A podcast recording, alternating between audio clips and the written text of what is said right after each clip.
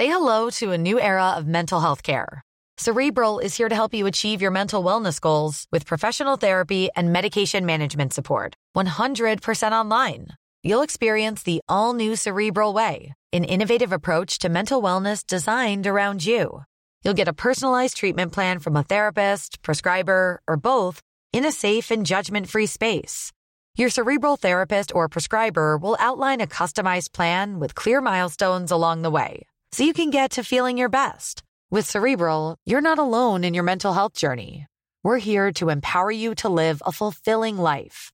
So take that first step towards a brighter future and sign up today at cerebral.com slash podcast and use code ACAST to get 15% off your first month. Offer only valid on monthly plans. Other exclusions may apply. Offer ends July 31st, 2024. See site for details. Spring? Is that you? Warmer temps mean new Allbirds styles. Meet the Superlight Collection, the lightest ever shoes from Allbirds, now in fresh colors. These must have travel shoes have a lighter than air feel and barely their fit that made them the most packable shoes ever. Plus, they're comfy right out of the box. That means more comfort and less baggage. Experience how Allbirds is redefining comfort. Visit allbirds.com and use code SUPER24 for a free pair of socks with a purchase of $48 or more. That's A L L B I R D S.com, code SUPER24. Jeg er klar. Som et egg.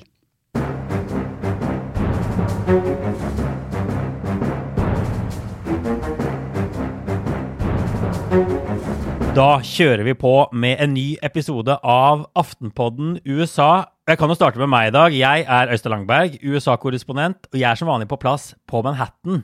Men i Oslo er ting, eh, vi får si, litt utenom det vanlige. Kristina Pletten har tryna på stuegulvet, brekt armen, og det er ikke lov å le, og er sykemeldt. Og, jeg skal hilse og si at det, det, går bra med henne, men det er derfor vi er litt sent ute. da. Nå er det blitt torsdag ettermiddag i Norge før vi har fått laget denne podden. For vi har brukt litt tid på å hente inn en superreserve. Og den superreserven er Det er meg, Therese Solien. Kommentator, ja, kommentator i, i, Aftenposten, kollega av Kristina Pletten. Velkommen, velkommen. Tusen hjertelig takk. Altså, jeg må bare si, det, Grunnen til at jeg ler, er jo ikke at jeg er, jeg er ikke helt blottet for empati. Men jeg tror at hun brakk det håndleddet med vilje for å slippe å eh, spille inn den podkasten som dere hadde planlagt. Jeg bare sier det. Men den ligger der og venter til ja. håndleddet er friskt, Kristina. Den gjør det. Ja, fordi vi skulle egentlig lage en podkast om uh, critical race theory denne uka. Vi har egentlig gjort en del research, så den podkasten kommer. Kristina slipper ikke unna det. Så fort det håndleddet virker igjen, så blir det critical race theory. Ja, jeg, som vi har seila opp som en sånn kjempesak. Jeg gleder meg veldig til det, altså. Ja, jeg også gleder meg veldig til det. Jeg har vært en tur i Virginia nå. Der er folk konservative veldig opptatt av dette critical race uh, theory. Men du da, Therese Sollien en del av lytterne kjenner da helt sikkert navnet ditt fra Aftenpostens spalter. Du er altså også kommentator. Du skriver også litt om USA, men du skriver mye om, om, nasjonale nyheter og andre deler av verden, ikke sant? Ja, altså jeg skriver jo veldig mye om f.eks. skolepolitikk, men eh, jeg bryr meg ja. jo veldig mye om andre ting også. Jeg gjør det, altså. Ja, ja, for du er jo USA-kjenner, og skal vi kalle deg til og med USA-venn? Ja, det kan du si. Jeg er USA-venn, bare du ikke bruker ordet ekspert, for det er for mange av dem i Norge. Så USA-venn er fint. Ja, ja, for du har altså bodd i Vi pleier å ta med når vi har gjester på denne poden, snakke litt om deres forhold til USA. Og du har altså bodd, eh, sier ryktene, i Florida av alle steder i seks år. Ja. Er det riktig? The armpit of America. Der har jeg, der har jeg bodd. Hvorfor det, da? Uh, nei, jeg var doktorgradsstipendiat ved et universitet der. Ikke, jeg ble aldri ferdig med den doktorgraden, så det er en trist historie. Jeg orker ikke å rippe opp i det. Det er et tilbakelagt kapittel. Det er godt å være i Norge. Men hvor i Florida var det du bodde? Midt i Miami. Som er et sted som er, er liksom veldig, veldig fint sted å være på ferie, og ikke så fint sted å bo. Nei, hvorfor ikke det?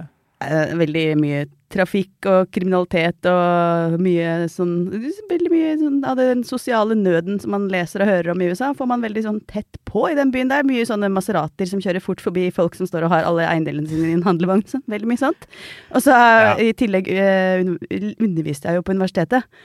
Og det er veldig mye rare studenter som jeg måtte stryke, hvor foreldrene kom med advokaten sin og sånn. Og så sa jeg men jeg kan jo ikke gi sønnen din karakter på dette, dette studiet når han sitter i fengsel.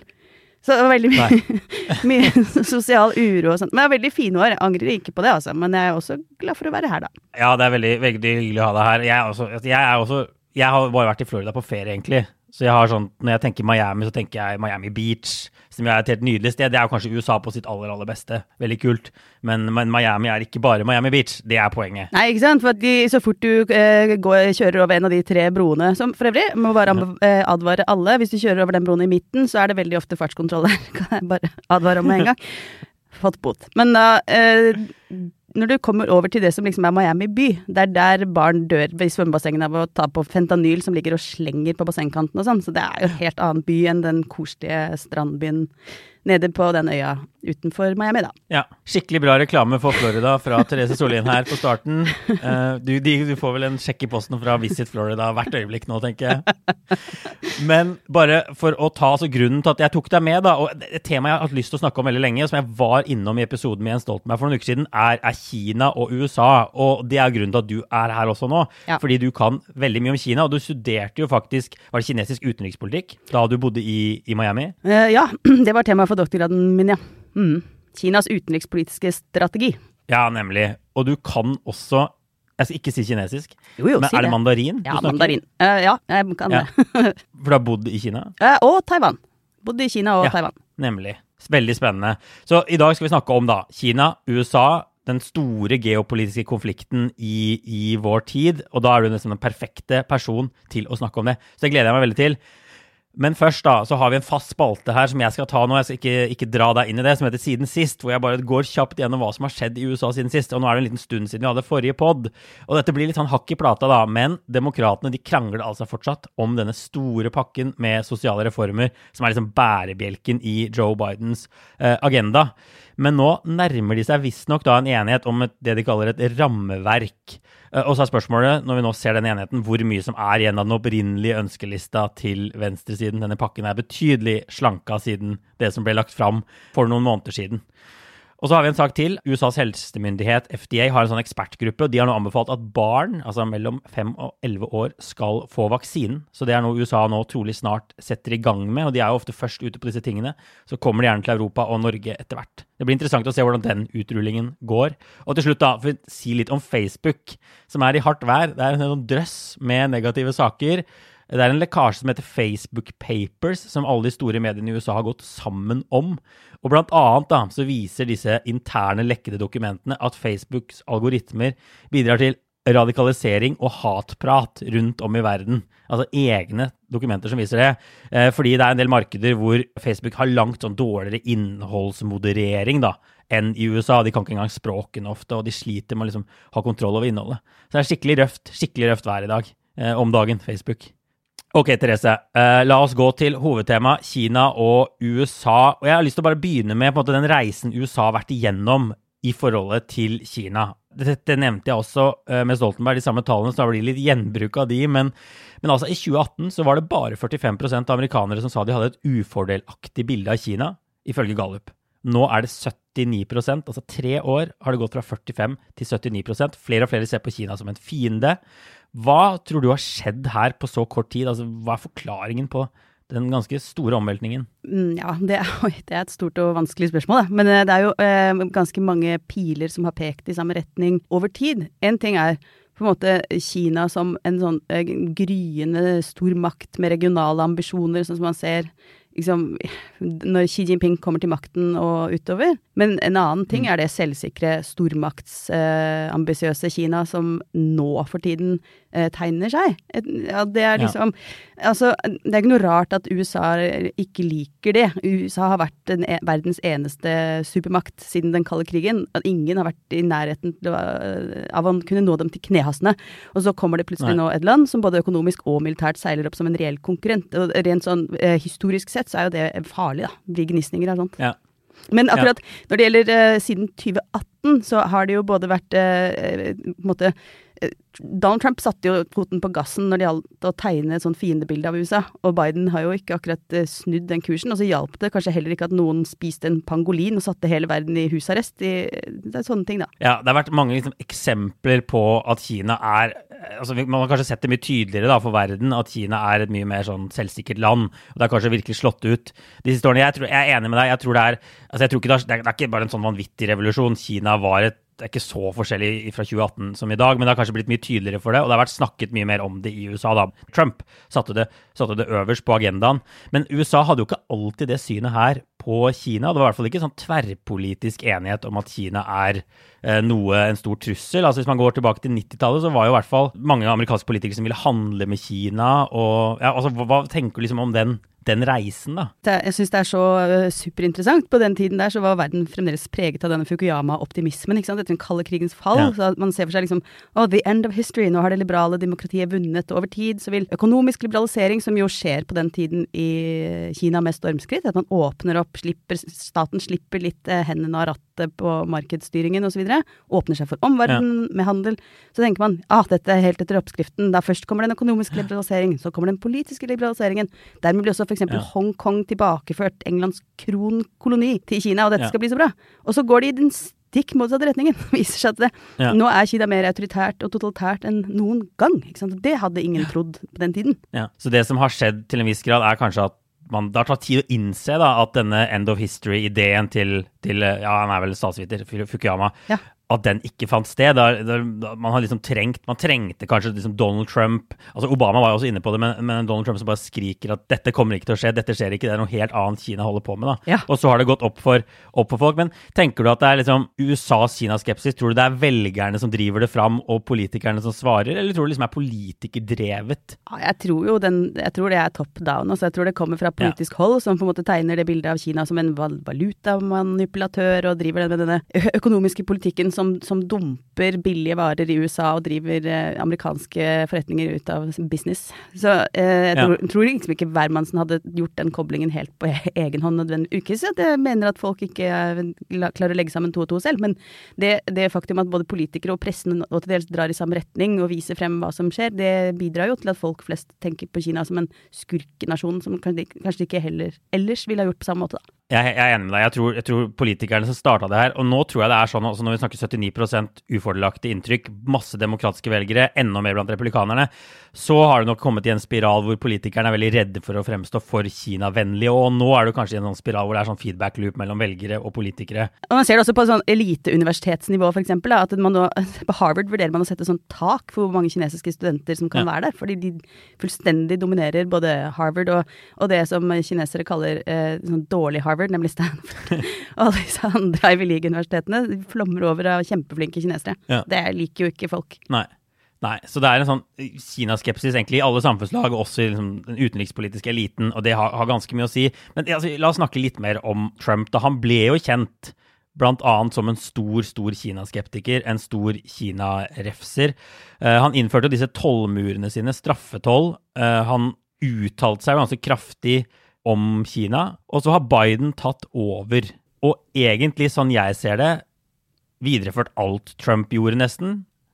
Eller hvordan tenker du? Ja, altså jo, jeg, jeg syns også det ser sånn ut. Det man kan si er en endring, er jo i hvert fall eh, kosmetisk. Da, at han ikke er så plump i språkbruken og snakker om the China virus og alt ja. det forferdelige som Trump holdt på med. Men realpolitisk så syns jeg ikke det Jeg syns de er eh, som to eh, bortkomne tvillinger. Det er jo ikke noe forskjell i, i det som skjer på bakken. Nei.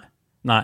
Og det har kanskje overraska noen litt, at denne Kina-kritiske linja fordi, fordi, Biden har jo rulla tilbake en del Trump-politikk på ganske mange områder, men at den Kina-kritiske linja videreføres og nærmest forsterkes. Altså, Hvis du skal kåre liksom, hvem, hvem tror du er mer skeptiske til Kina av Biden og Trump? Altså, Hvis du ser på politikken deres.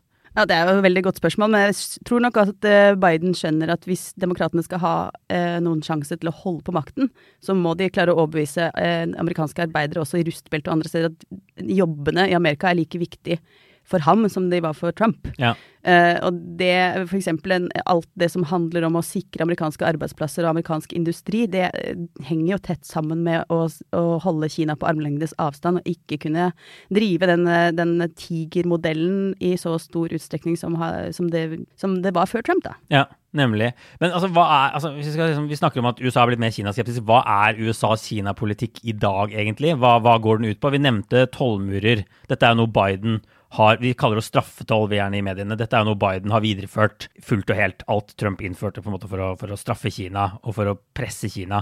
Men det er også andre ting. Altså Vi ser jo at USA kommer med mye kritiske uttalelser eh, om Kina. Snakker mye om menneskerettighetsbrudd og sånn. Dette drev jo Trump med, men dette er kanskje enda tydeligere med Biden. Det er jo en viktig del av USAs politikk. Og så har du alt dette som går på det militære. Eh, militærsamarbeid. Ikke med Kina, da, men med landene rundt. Forsøk på å demme opp Kina, som også er en ganske sentral del av politikken. Ja, det er det. Er det. Og det var liksom, Obama begynte jo med det der og skulle liksom prøve en sånn 'leading from behind'-tilnærming. hvor det kanskje i større grad dreide seg om å bli venner med andre regionale konkurrenter til Kina. Ja. Eh, det var jo en litt mer sånn snikete måte å gjøre det på. Mens eh, det som nå skjer, når, når det fiendebildet først er skapt, så ser man jo at f.eks. Australia, som har havnet i kulden, Canada det, altså, det er jo mange land nå som prøver å på en måte gå i bue rundt Kina fordi de må. Og der, Mm. Tyskland var blant de landene som før alt dette eh, sto ganske alene i å kritisere Kina for menneskerettighetsbrudd, i hvert fall aller tydeligst. Mm. Eh, de ga f.eks. kona til eh, Liu Xiaobo asyl. Eh, men, men nå, er det jo blitt så, er det blitt så mange om beinet i å kritisere Kina at det er blitt litt ufarlig. Nå kan jo til og med Norge snart gjøre det uten å risikere å miste frihandelsforhandlingene som man er så opptatt av. Mm. Eh, og da får jo på en måte alle disse små landene som ellers ville synes det var veldig truende å kritisere Kina, får en slags sånn, en sånn korsett, da, en ryggrad utenfra, både fra EU og fra USA, men særlig fra USA. Og EU er jo ikke like skeptiske til Kina eh, offisielt som det USA er, da. Nei. Og vi, får, vi får komme litt tilbake til liksom, om det fiendebildet USA skaper, er reelt. Men vi kan jo bare snakke litt om disse militæravtalene. Altså, en ting som har vært ganske stor oppsikt, som Biden har gjort, er jo denne AUKUS-avtalen. Altså, Han gikk inn inngått en forsvarsavtale med Australia, eh, hvor Australia egentlig skulle kjøpe noen ubåter fra Frankrike.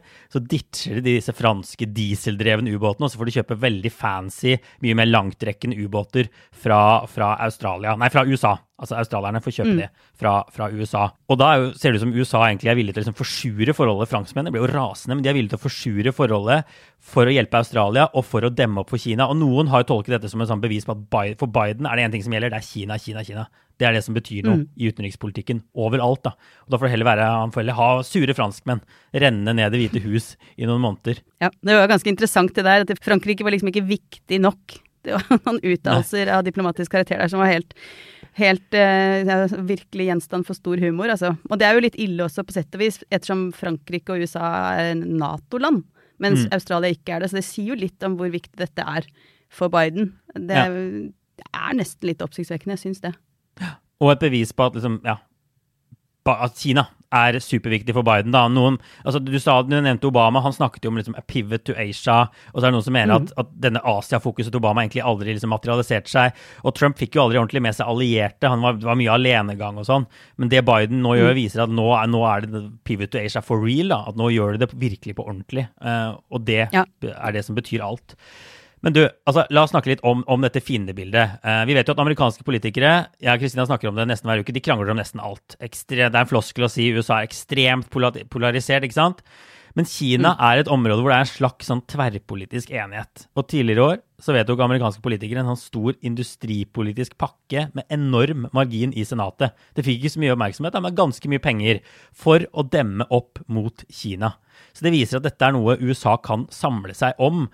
Og da har jeg lyst til å spørre deg, i hvilken grad er liksom Kina en reell trussel, og i hvilken grad utgjør de, hvis vi bruker hermetegn, en nyttig fiende da, som USA kan samle seg bak? Ja, det er, veld, er veldig godt og pertinent spørsmål, syns jeg. Fordi eh, det er klart at svaret er jo på en måte begge deler. ikke sant? Det er, det er helt opplagt veldig veldig kjekt å, å skape en sånn bipolar verden, hvor det er to supermakter som står hardt og steilt mot hverandre med hver sin allierte osv. Ja. Det var jo for tross alt også en veldig stabil verden da den kalde krigen pågikk.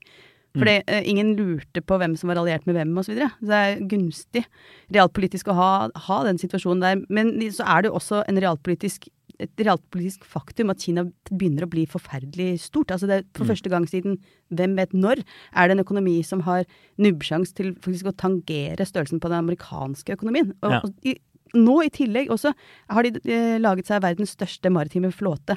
Og alt, Kina snakker hele tiden om at vi har bare fredelige interesser, og vi vil bare utvikle oss på fredelig vis og bli, mm. bli et uh, utviklet land osv. Industriland. Men, men hva skal du med verdens største militære flåte målt i antall krigsskip da? Liksom? En ting er at de ikke har disse kjempestore båtene som kan frakte jagerfly og sånt, som, eh, så de har kanskje ikke så veldig langtrekkende liksom, geopolitiske ambisjoner militært. Men det, men det, er jo skremmende likevel. Og det, det, altså USA har frem til nylig vært, har brukt mer på forsvaret sitt enn de nest seks, neste landene på listen til sammen. Det har vært ja. helt uangripelig militært, og så plutselig kommer det, kommer det et, en, en, makt som vokser frem, som plutselig blir, begynner å kunne liksom snuse i knehasene deres. Da. Det, ja. det, er jo skremmende. Men en annen ting er jo også på en måte den økonomiske strategien som Kina har ført, som ikke er eh, vesensulik, sånn som eh, Sør-Korea ble rike, sånn som Taiwan ble rikt.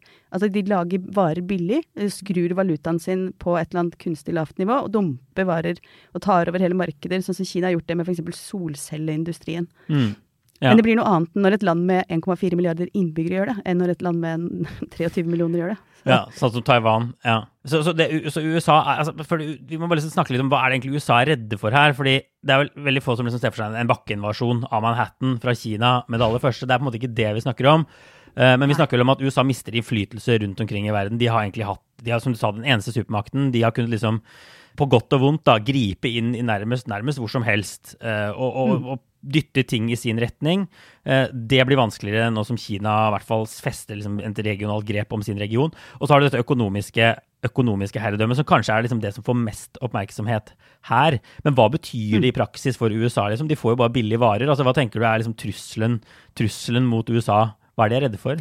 Ja, altså 60 eh, eh, omtrent av USAs varer har jo pleid å være, gå til det indre markedet. ikke sant? Så de selger mm. varene til seg selv. Så, sånn sett skulle man tro at det ikke var så truet. Men hva skjer når det kommer inn en haug av varer som ellers ville vært produsert av amerikanske firmaer, som blir solgt til de forbrukerne som trenger de bilene eller de datamaskinene eller de mobiltelefonene eller hva som helst, og kjøper dem fra et annet land? Jo, det mm. blir magre rekord for de lokale bedriftene. Men det er en tilleggsting, og det er at ettersom den amerikanske økonomien har vært så enormt sterk, så har man f.eks. kunnet trykke penger nå helt siden finanskrisen i 2008 igjen og igjen og igjen, uten at det har ført til stor inflasjon, fordi dollaren er verdens hardeste valuta. ikke sant? Det er helt ja. ubestridelig verdens hardeste valuta. Så plutselig så kommer det sånne faresignaler. da, Oi, eh, USAs eh, kredittvurdering står i fare for å gå ned osv. Kanskje oi, skal yuenen bli kanskje verdens hardeste valuta? Det er ingen mm. som tror det anytime soon, for det er veldig mye som tyder på at, eh, at den kinesiske økonomien ikke er så bunnsolid som man kanskje har trodd. da. Man ser på eh, disse konstruksjonsselskapene nå som, som, nå står for retten osv. Og, så og står i fare for å gå konkurs. Det ligner litt på sånn Lehman Brothers-følelse eh, man får. ikke sant? Ja. Men uansett, poenget er at jo sterkere den kinesiske økonomien blir, jo, jo større fare blir det for at eh, den amerikanske dollaren mister sin funksjon i det økonomiske verdensbildet. Hvor kanskje den ikke er verdens hardeste valuta lenger, og da er man jo ille ute å kjøre pengepolitisk også. Ja. Da er det ikke så mange virkemidler man har igjen. Nei.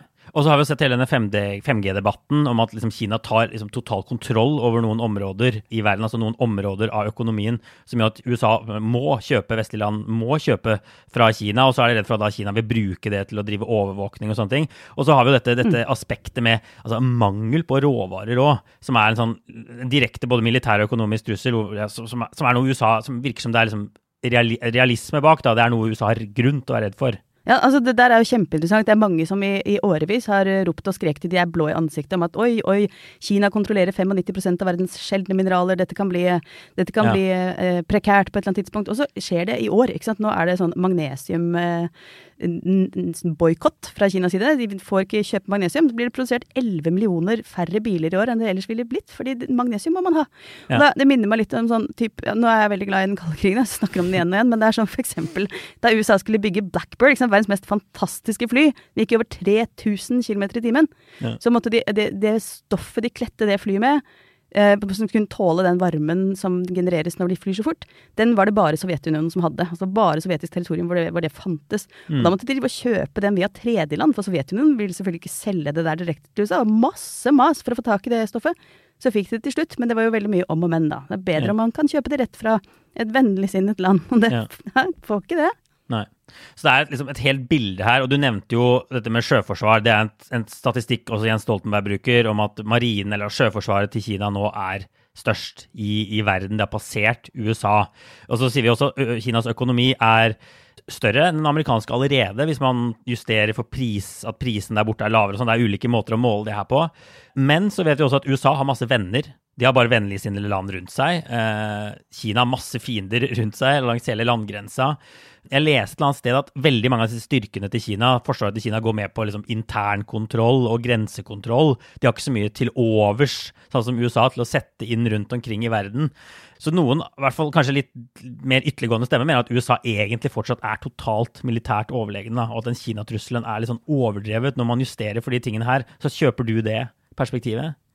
Ja, jeg gjør det. Altså, Kina er veldig opptatt hjemme. Så det, de har nok ikke tenkt seg på noen sånn lang tur ut. Jeg tror ikke det heller. Men, men, men det er likevel bare det faktum at de kunne jo ha det, Alt dette er jo prioriteringer. De kunne ha skrudd om, ikke sant? Ikke sant? Og, og, og lagt, latt disse territoriale konfliktene f.eks. med India og Pakistan, som kunne latt det ligge. Og så heller sagt nei, nå skal vi ut. Og det faktum at de kan det, selvfølgelig også mye, som du sier, at det er veldig mye som brukes opp hjemme, internt, til å kontrollere altså, Xinjiang er et, et helt åpenbart eksempel. Men det, det, Mm. det går jo alltids an å, å skru om uh, fokuset, da, hvis det skulle være nødvendig. Og så ser vi jo en stor oppbygging òg. Så, så sånne uh, utregninger av at Kina bruker alle sine krefter hjemme, kan jo være utdaterte plutselig. Plutselig har de et stort overskudd. Og særlig Sjøforsvaret ser jo, ser jo veldig sterkt ut. Og så har vi jo kommet nyheter nå i det siste om, om en, en rakettest. Det var Financial Times som, som først skrev om det. De avslørte vel egentlig at Kina hadde skutt opp det som kalles sånn hypersonisk rakett. Og ifølge Financial Times da, så ble det, altså USA tatt helt på sengen av at Kina hadde dette våpenet og kunne bruke det. Og så vidt jeg har skjønt, da, så er greia at dette, denne raketten kan eh, frakte atomvåpen, altså kjernefysiske stridshoder. Og den skiller seg fra sånne vanlige atomraketter, for den kan gå lavere og unngå sånne rakettforsvar og sånn, da, som USA har bygget opp for å forsvare seg mot atomvåpen. Altså, Hva tenker du dette sier om, om Kina? Du har vel sikkert lest denne nyheten med stor interesse, vil jeg tro? Ja, det er jo nattsvarte nyheter for alle som, eh, som eh, er litt nervøst anlagt. Da. En rakett som kan fly tre ganger rundt jorden uten at noen får det med seg. Som kan bære stridshoder og, og liksom ta seg gjennom rakettskjold. Det er ikke noe godt nytt, det. På den annen side. Så eh, når det gjelder avskrekking, jeg tror jo at en vesentlig grunn til at det ikke har vært krig mellom stormaktene siden 1945, er nettopp pga. atombomben. Det er for ødeleggende. Det kan, krig blir umulig. Uh, så, og, men så kan man jo si at det på en måte Det avverges jo litt hvis man har et veldig effektivt rakettskjold. Som er come at me, bro. Jeg, ja. kommer ikke noe atombombe ned her. Hvis det plutselig kan det igjen, da. Ja. Så vil jo på en måte en sånn type eh, avskrekkingsdoktrine fungerer igjen. Det er jo sånn sett godt nytt for den optimistiske realisten som tross alt bor inni mitt stenharde kalde hjerte. Ja. ja. Så, men, men det viser vel, altså, Hva tenker du denne rakettutviklingen viser? Det viser jo at Kina er langt fremme. Eh, Dette er vel teknologi man ikke vet om USA eller noen andre land i verden har engang. Kanskje det viser seg at disse ufoene som man driver og lurer på hva er, kanskje det er kinesere Ja. det også. Så, nei, men det, det, det er morsomt, fordi langt det var, varte jo veldig lenge da man liksom sov litt ved rattet og tenkte at disse kineserne, de, de driver jo uansett bare og kopierer, og de finner ikke på noe eget og sånt. Og det, de lager dessuten ikke noe særlig bra ting. Og det var alltid masse sånn YouTube var fullt av videoer som viste sånne krasjtester med kinesiske biler hvor de ble til et lite trekkspill med en gang de Ja. kjørte på en, en fortauskant, ikke sant. Men nå er det jo et helt annet land som ikke bare klarer å lage ting like bra som Vesten, men bedre. Det er jo skjedd et eller annet Ja. der. Det er veldig interessant. Ryan Reynolds here from Mint Mobile. With the price of just about everything going up during inflation, we thought we'd bring our prices down. So to help us, we brought in a reverse auctioneer, which is apparently a thing. Mint Mobile unlimited premium wireless. Have to get 30, 30, bit to get 30, bit to get 20, 20, 20, bit to get 20, 20, bit to get 15, 15, 15, 15 just 15 bucks a month. So, Give it a try at mintmobile.com slash switch. $45 upfront for three months plus taxes and fees. Promo rate for new customers for limited time. Unlimited more than 40 gigabytes per month. Slows. Full terms at mintmobile.com. Jeg vil gjerne bare også snakke litt med deg om, om Taiwan. Altså, fordi Vi nevnte jo i ingen tror på en kinesisk bakkeinvasjon av USA, eller Norge for den saks skyld, med det første. på en måte. Det er ikke det vi snakker om her. Men et av de virkelig store ja. Et av de virkelig store skrekkscenarioene er jo at vi bryter ut en full krig over Taiwan, og at det da vil trekke inn USA og resten av verden på kjøpet, at man da vil få en slags verdenskrig. Så vi får snakke bare litt kjapt. Altså, øh, altså Taiwan, en øy, vi nevnte det, 23 millioner innbyggere utenfor kysten av fastlandskina. Et demokrati, og på mange måter et selvstendig land, men nesten ingen kaller det et land, eller anerkjenner det som et land. Man må kan ikke Nei, det. heller ikke Ingen som mener at det er det. Jeg kan ikke si det høyt. Det er kanskje det i praksis, men det er ingen som kan ikke si det Nei. høyt. Og ikke Norge eller USA heller kaller eh, ser på det som en selvstendig stat. Nei, når, når taiwanske studenter kommer til Norge, så står det at de er fra Folkerepublikken Kina i passet. i visumet. Det blir de veldig sure for, da, men det er sånn vi må ha det nesten. Når eh, man må velge mellom hvem, hvem man skal ha diplomatiske forbindelser med. Det er noen land som har diplomatiske forbindelser med Taiwan Ja. isteden. Vatikanstaten, eller Den hellige stol. Eh, det er noen sånne land nede i Stillehavet, noen sånne Ja. eh, øystater og sånn. Men eh, de fleste tenker jo at det er litt viktigere å ha diplomatiske forbindelser med Kina, og det gjør også Norge. Ja, ikke sant? Og, og vi kan ikke gå gjennom hele historien her, men altså denne merkelige situasjonen oppsto etter borgerkrigen i Kina. ikke sant? Et resultat av den. Kommunistpartiet de har kontroll på fastlandet, eh, og de ser på Taiwan som en del av Kina. Punktum. Det er litt sånn de behandler det. Og så er det store spørsmålet da, ikke sant. Hvis Kina en dag bestemmer seg for å invadere Taiwan, eh, og virkelig gjøre det til en del av Kina, hva vil USA gjøre? Så da spør jeg deg, eh, Therese, hva vil USA gjøre da? Jeg, jeg vet ikke, altså. Det er jo det som Det vil jo ikke USA si. Nei. Så det er jo litt vanskelig å gjette. Det er jo det er ikke Altså, da hadde jo Biden enten et sånn senior moment i forrige uke, eller så, han, eh, eller så var det bare det hjertet var fullt av og munnen rant over med, da han svarte yes tre ganger på om USA ville forsvare Taiwan ved en eventuell invasjon- invasjon. Ja. Da måtte jo State Department rykke ut etterpå og si app, app, app, app, det var ikke det han mente. Det, det er ikke noe endring her i USAs politikk, den ligger fast. Ja. Og det den strategien de fører eh, kalles, er jo såkalt strategic ambiguity, altså strategisk tvetydighet. De, de sier ikke at de vil forsvare Taiwan i klartekst, men de sier at de liksom på en måte hintrer om at de kanskje gjør det. Ja. I, I USAs lovverk så står det at de plikter å sørge for at Taiwan er i stand til å forsvare seg selv. Ja. Så kan du tolke det litt som du vil, da. Men de vil jo ikke si rett ut at de eventuelt skal forsvare Taiwan. Og det, det har jo to hensikter, at de er så utydelige. Det har til hensikt å avskrekke Kina fra å invadere Taiwan, men det har også til hensikt å avskrekke Taiwan fra å erklære seg uavhengig. Ja. Så, så, så vi kan oversette strategic ambiguity med altså, at det er, er en uklarhet. Er, de er bevisst uklare. Og for oss som liksom har dekket Nato, artikkel 5, så er det en utrolig interessant eh, sammenligning. For der er det én for alle, alle for én. Det skal være krystallklart at hvis eh, noen land blir angrepet, så hjelper de hverandre. USA stiller opp. Det var jo kjempestor frykt for at det Trump sa, og ved å så så lage liksom uklarhet, ville ødelegge hele Nato. Og for Taiwan altså, så er det altså en helt motsatt strategi. Man er bevisst eh, uklar, man tåkelegger bevisst. Altså, fungerer det, tenker du? Og, og, og hva, hva, hva er hensikten med det? Hva ville skjedd hvis de bare hadde sagt vi Altså, det Biden da nærmer seg å si, vi kommer til å forsvare Taiwan hvis Kina invaderer. 100% sikkert. Det, eh, det som jo kunne kanskje vært en mulighet, var at eh, de som nå sitter med makten på Taiwan, altså det eh, Folkets Fremskrittsparti, som det heter, Mm. Minjindang, at de kunne funnet på å gjøre alvor av det de hadde i charteret sitt frem til 2012-2013, noe sånt. At de ville erklære Taiwan som en, et uavhengig land. Ja. Det ville jo være veldig provoserende. Kina hadde jo ikke likt det. Kanskje det ville fremprovosert det de øvet på i forrige uke, da, nemlig landgang. Det Mm. filmer man jo ikke. Nei, for det, det, det har vi sett de siste ukene, da, i tillegg til at Biden har uttalt seg klønete og har rett, blitt retta av sitt eget utenriksdepartement, så ser vi en mye mer øvingsaktivitet fra Kina over Taiwan inn, inn i luftrommet rundt denne, rundt denne øya. Og så ser vi også at uh, Taiwan sier at uh, amerikanske styrker trener deres egne nasjonale styrker da, på øya. Og det er altså første gang det egentlig er anerkjent, eller i hvert fall på en, en stund, at det der foregår. Så Taiwan er liksom mye i nyhetsbildet nå, da. Det, ja, det er på høy tid, syns vi som er glad i Taiwan. Vi, det lille knippet oss som syns at det er verdens fineste sted. Men det er, det, er, eh, altså det er jo fascinerende. På Taiwan så er det ikke sånn at de ikke tar sikkerheten på alvor. De øver jo igjen og igjen på invasjon. De har kjempelang verneplikt. Alle må inn og være der en evighet. Så, men, men så er det jo også krefter på Taiwan som ønsker noe annet, da, som ønsker gjenforening, som ønsker en sterkere, sterkere forbindelse til fastlandskina. Og disse nasjonalistene som du nevnte i sted, som har hatt makten stort sett siden 49, avbrutt av to regjeringsperioder med, med Fremskrittspartiet i regjering. De, altså Forrige presidenten Ma Ying-jeou han åpnet jo flyreiser, sånn direkteruter mellom Taiwan og Kina. Det ble plutselig direkte postgang, masse utveksling av varer og tjenester og sånn. Og så snudde vinden. Og det, er, det jeg tror er en del av miksen som gjør at vi ikke kommer til å se det der igjen på en stund. Det handler om hva som foregår i Hongkong.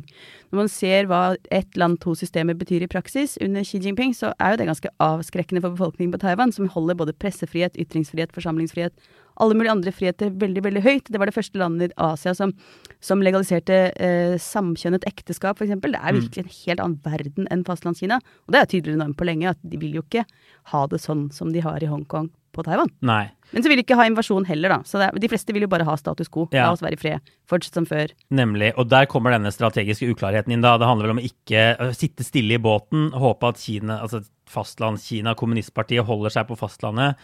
At de bare lever med dette Taiwan, øh, demokratiske, frie, liberale Taiwan ute ute i sjøen der inntil videre. da. Og at hvis, hvis Biden og amerikanerne begynner å si sånn, snakke om uavhengighet og at de skal forsvare dem, så er de redd for at det vil utløse en krig. da. Det er derfor Biden og disse må være forsiktige med hva de sier. Ja visst, men det handler jo også om at eh, sant? Just, jo mer USA er tydelig på at de kommer til å backe Taiwan, jo mer høyrøstet kan de være i det de ønsker seg, som jo ikke nødvendigvis er uavhengighet, Nei. men innpass i internasjonale institusjoner. Så det ble jo veldig aktualisert i fjor, da pandemien brøt ut. Så sendte Taiwan en gjeng med forskere til Wuhan og, og, og sa til Verdens helseorganisasjon sånn app, app, app, dette blir mye kjipere enn dere tror. Dette, dette kommer til å bli skikkelig, skikkelig stygt. Men ingen vil jo høre på dem, fordi de er jo ikke, sitter jo ikke der, får ikke ha observatørstatus engang. Så det er jo blitt veldig sånn Og det had, har jo Taiwan hatt tidligere. Mm. Så når de blir kippet ut av alle mulige institusjoner, så er det jo ikke noe rart at de syns det er veldig ergerlig. Altså for eksempel taiwanske diplomater får jo ikke ha diplomatstatus når de kommer til Norge og sånn, så må de ta lappen, og hvis de kjører for fort, så får de bot. Og det er veldig mye sånn, Ja. sånn eh, pr praktiske gnisninger som irriterer eh, det politiske sjiktet på Taiwan, uten Ja. at de tror liksom tror ikke de har ambisjoner om diplomatiske forbindelser direkte med noe særlig land i det hele tatt, men bare hvert i det minste få være- ha observatørstatus i WHO igjen. Ja. Det hadde vært en god begynnelse. Ja, nemlig. Det blir, altså, det blir interessant å se, men, men, men du tror altså ikke det kommer til å skje noe? Altså, hvor mye skal vi lese ut av at Kina rasler med sablene og øver over Taiwan? Og, altså, er det fare for at det kan skje noe der i løpet av noen år? på en måte? Hvor, hvor sannsynlig er det? Jeg håper jo inderlig at det er usannsynlig. Det er sånn som når Nord-Korea driver og sprenger de der Rodong-rakettene sine utenfor Japan og Sør-Korea. Gjør det hele tiden. Det er jo en, en avskrekkingsstrategi. Man tror jo ikke at Nord-Korea heller skyter for å treffe Pyongyang Nei, unnskyld, det gjør det i hvert fall ikke. Seoul. Ja. Det er jo liksom Men når det er sagt, så er det jo ikke sånn at krig bestandig bryter ut fordi det er meningen at det skal det. Ofte er det uhell som skjer, og det er jeg mer, mer bekymret for. For eh, uklar kommunikasjon, uhell, at det bryter ut en, en, situasjon som ikke var intendert. Det er det større fare for, tror jeg. Og jo mektigere eh, disse styrkene er, jo mer kapabiliteter det, det Kinas maritime styrker har, jo farligere kan jo en eventuell, et eventuelt uhell bli. Ja. Så det er jeg bekymret for personlig, da. Ja. Så ta ett steg tilbake da til slutt, eh, og siste spørsmål. Det ser jo ut som liksom Kina og USA er to supermakter på sånn sakte kollisjonskurs, når man ser liksom forholdet blir dårligere og dårligere. eh, ser det ut. Altså, Er det noen vei tilbake? Kan man snu disse to supertankerne før de dundrer inn i hverandre? Ingen vet når det vil skje, da, men 10-15-20-30 år. Tror du det? Er, er det mulig, eller er det nesten forholdsbestemt at dette kommer til å bli, en, bli verre, da? Før det blir bedre, i hvert fall. Det er jo morsomt, det bildet. Det var en annen i redaksjonen min som nylig brukte liksom, uttrykk å prøve å snu en fregatt på sånn kort tid. Eh, som et, sånn, um, et bilde på noe som var umulig. Ja. Da kom det sånn tilbakemelding fra militæret at det, det er ikke noe vanskelig å snu en fregatt. Det kan du gjøre på femøringer nesten. Så, ja, men, supertanker er kanskje noe annet. Eh, nei, det, jeg tror jo ikke at det kommer til å bli noe bedre, altså. Jeg tror det kommer til å bli verre, og jeg tror det kommer til å bli også tydeligere allierte på hver side. Det er, eh, det er noe med at, måte, at verdens maktbalanse presser det frem. Men så må jeg jo si at jeg er ikke så veldig bekymret for det. Altså, eh, Den kalde krigen var en stabil og fin situasjon, den, når det, når det liksom var veldig farlig. Det, var, det handlet om ulykker og uhell og dårlig kommunikasjon. Sånn at man kan jo håpe i, og, i det lengste og tro at, at kanskje dette blir en mer stabil verden enn når man har sånne liksom, multipolar verden med USA som sånn kjempehegemon. Hvor, hvor det i seg selv skaper en ustabil situasjon. Når du får en sånn Trump-fyr som begynner å trekke artikkel 5 i, i Nato-traktaten i tvil, f.eks. Det er jo utenkelig hvis man faktisk er i en sånn kald krigssituasjon. Da står de allierte veldig solid sammen. Ja. Så kanskje det blir fint det med sånn eh, Beijing-pakten. Det kan være, kan være noe fint her også. men Kanskje, kanskje Russland og Kina med de sentralasiatiske landene i midten slår sine pjalter sammen og, og danner en forsvarsallianse. Det kan bli en stabil og fin verden, det tror jeg. Um, men vi får se. Vi må bare få tak i litt magnesium først, Ja. så kan det bli veldig bra. Ja, og mange peker jo på at det er en helt annen verden enn USA og Sovjet var da. Vi har jo altså USA og Kina snakker jo sammen om klima. De handler jo ekstremt mye mer sammen nå enn det Sovjet og USA noen gang, noen gang gjorde. Så det, det er jo en mer sammenvevd verden nå, så kanskje man liksom klarer å unngå de, de største. Altså Kanskje man bygger noen blokker, da, men fortsetter å handle på noen områder òg. Det ser jo litt sånn ut. Ja, man kan tenke at det kanskje er den beste av alle mulige verdener. Så kan Vesten stå veldig hardt på at de må slutte med disse menneskerettighetsbruddene sine og sånn, og så kan, kan man ha sånn status quo på når det gjelder laks og frihandel og, og ting som gir klingende mynt i kassen. Det er i hvert fall det mange land i Europa vil, ser det ut som nå. Jeg tror det. Vi får sette strek der for Kina-diskusjonen. Og så har vi jo en sånn fast spalte med obligatorisk refleksjon til slutt. Så, så har du forberedt noe? Har du reflektert over noe? Eh, jeg rakk å reflektere bitte litt i morges. Oi, ja. Det er ikke noe veldig dype tanken. Jeg bare slo meg at eh, altså Du og jeg er jo veldig opptatt av den store verden og USA og Kina og alt dette er jo veldig, veldig gøy, men vi må jo ikke glemme at nordmenn flest, også vi sikkert dypest sett innerst inne, egentlig er mest opptatt av Norge. Det, det, er, det er ingenting som fenger mer enn det som skjer i Norge. Og det, for øvrig, den første hovedoppgaven som ble skrevet på eh, kinesiskstudiene ved Universitetet i Oslo, den handlet om Ibsen i Kina. Ja. det syns jeg er et godt bilde. I hvert fall den tenkte jeg å ta det tilbake til Norge, da, når vi nå har snakket så mye om alt mulig annet.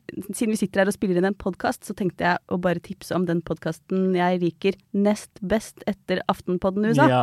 Og det er en podkast som heter eh, Henrettelsespodden. Det, ja, det er koselig, altså. Men den dreier seg da om det er Torbjørn Sørnes og, og han Kyrre som snakker i livlig passiar om én henrettelse per gang. Typisk skjedde på 1700- eller 1800-tallet. Det er jo ikke selve dette bestialske eh, greiene som er så fascinerende, men du lærer utrolig mye om, om hvor beinhardt folk hadde det. Altså, det er ikke så fryktelig lenge siden heller. Et par hundre år siden. Det var brutale greier. Altså, selv ikke bare disse uh, fantene som ikke har jobb og går og tigger og sånn, men også helt vanlige folk som bor på en gård og fryser og har lopper i halmmadrassen sin.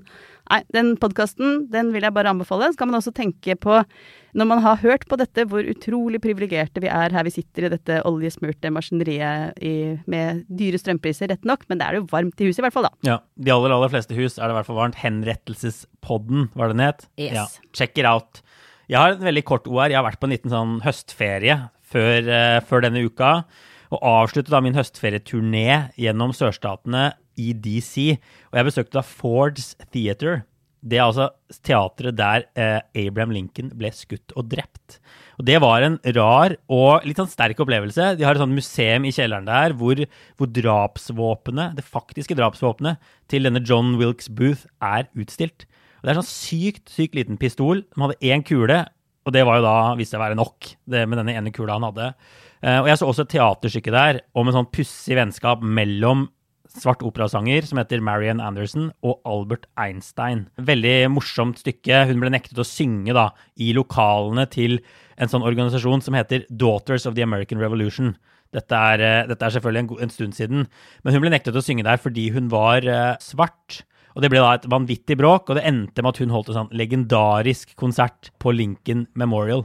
Men jeg vil bare anbefale folk som er i DC å dra innom Ford Theater. Det er rart å sitte i salen og se opp på det avlukket der presidenten satt og ble, ble drept. Der slipper ingen, eh, inn, ingen inn. Og dette teatret var altså stengt for teatervirksomhet i 100 år før det ble åpnet opp. Og det var også en enorm debatt om dette våpenet skulle stilles ut og vises til folk. Det er jo ganske bestialsk, men nå kan man altså se det first hand hvis man vil. Wow. Det hørtes, eh, det hørtes veldig, veldig kult ut. Ja, nei, ta turen innom der. ta turen innom der. Jeg tror vi må sette strek for denne uka. Nå har lyset gått i studio der Therese sitter, så det er helt sånn bekmørkt på skjermen. Men jeg regner med at du sitter der inne i mørket et sted? Ja, jeg sitter her og koser meg i mørket og sparer strøm for Schibsted. Det er bra. Det er, det er et tegn på at vi må avslutte. Jeg vil bare si at vi er tilbake med en pod neste uke, og den kommer nok fort vekk på onsdag. For det er en valgdag i USA på tirsdag med spennende valg i en del stater, og særlig da guvernørvalget i Virginia, som får uh, oppmerksomhet. Eh, som ser ut til å bli veldig veldig jevnt i en stat egentlig demokratene burde ha kontroll på. Og disse valgene sier da kanskje noe om den nasjonale stemningen ett år etter at Biden ble valgt. Så det skal vi da snakke litt om i neste uke. Og inntil det så vil jeg bare si følg oss på Facebook. Vi har laget en Facebook-gruppe som heter eh, Aftenpodden USA. Der har vi forklart litt om hvorfor pletten er borte denne uka, blant annet. Så bli med der, eh, og kast deg inn i diskusjonen. Og så ses vi om en uke. Ha det, ha det.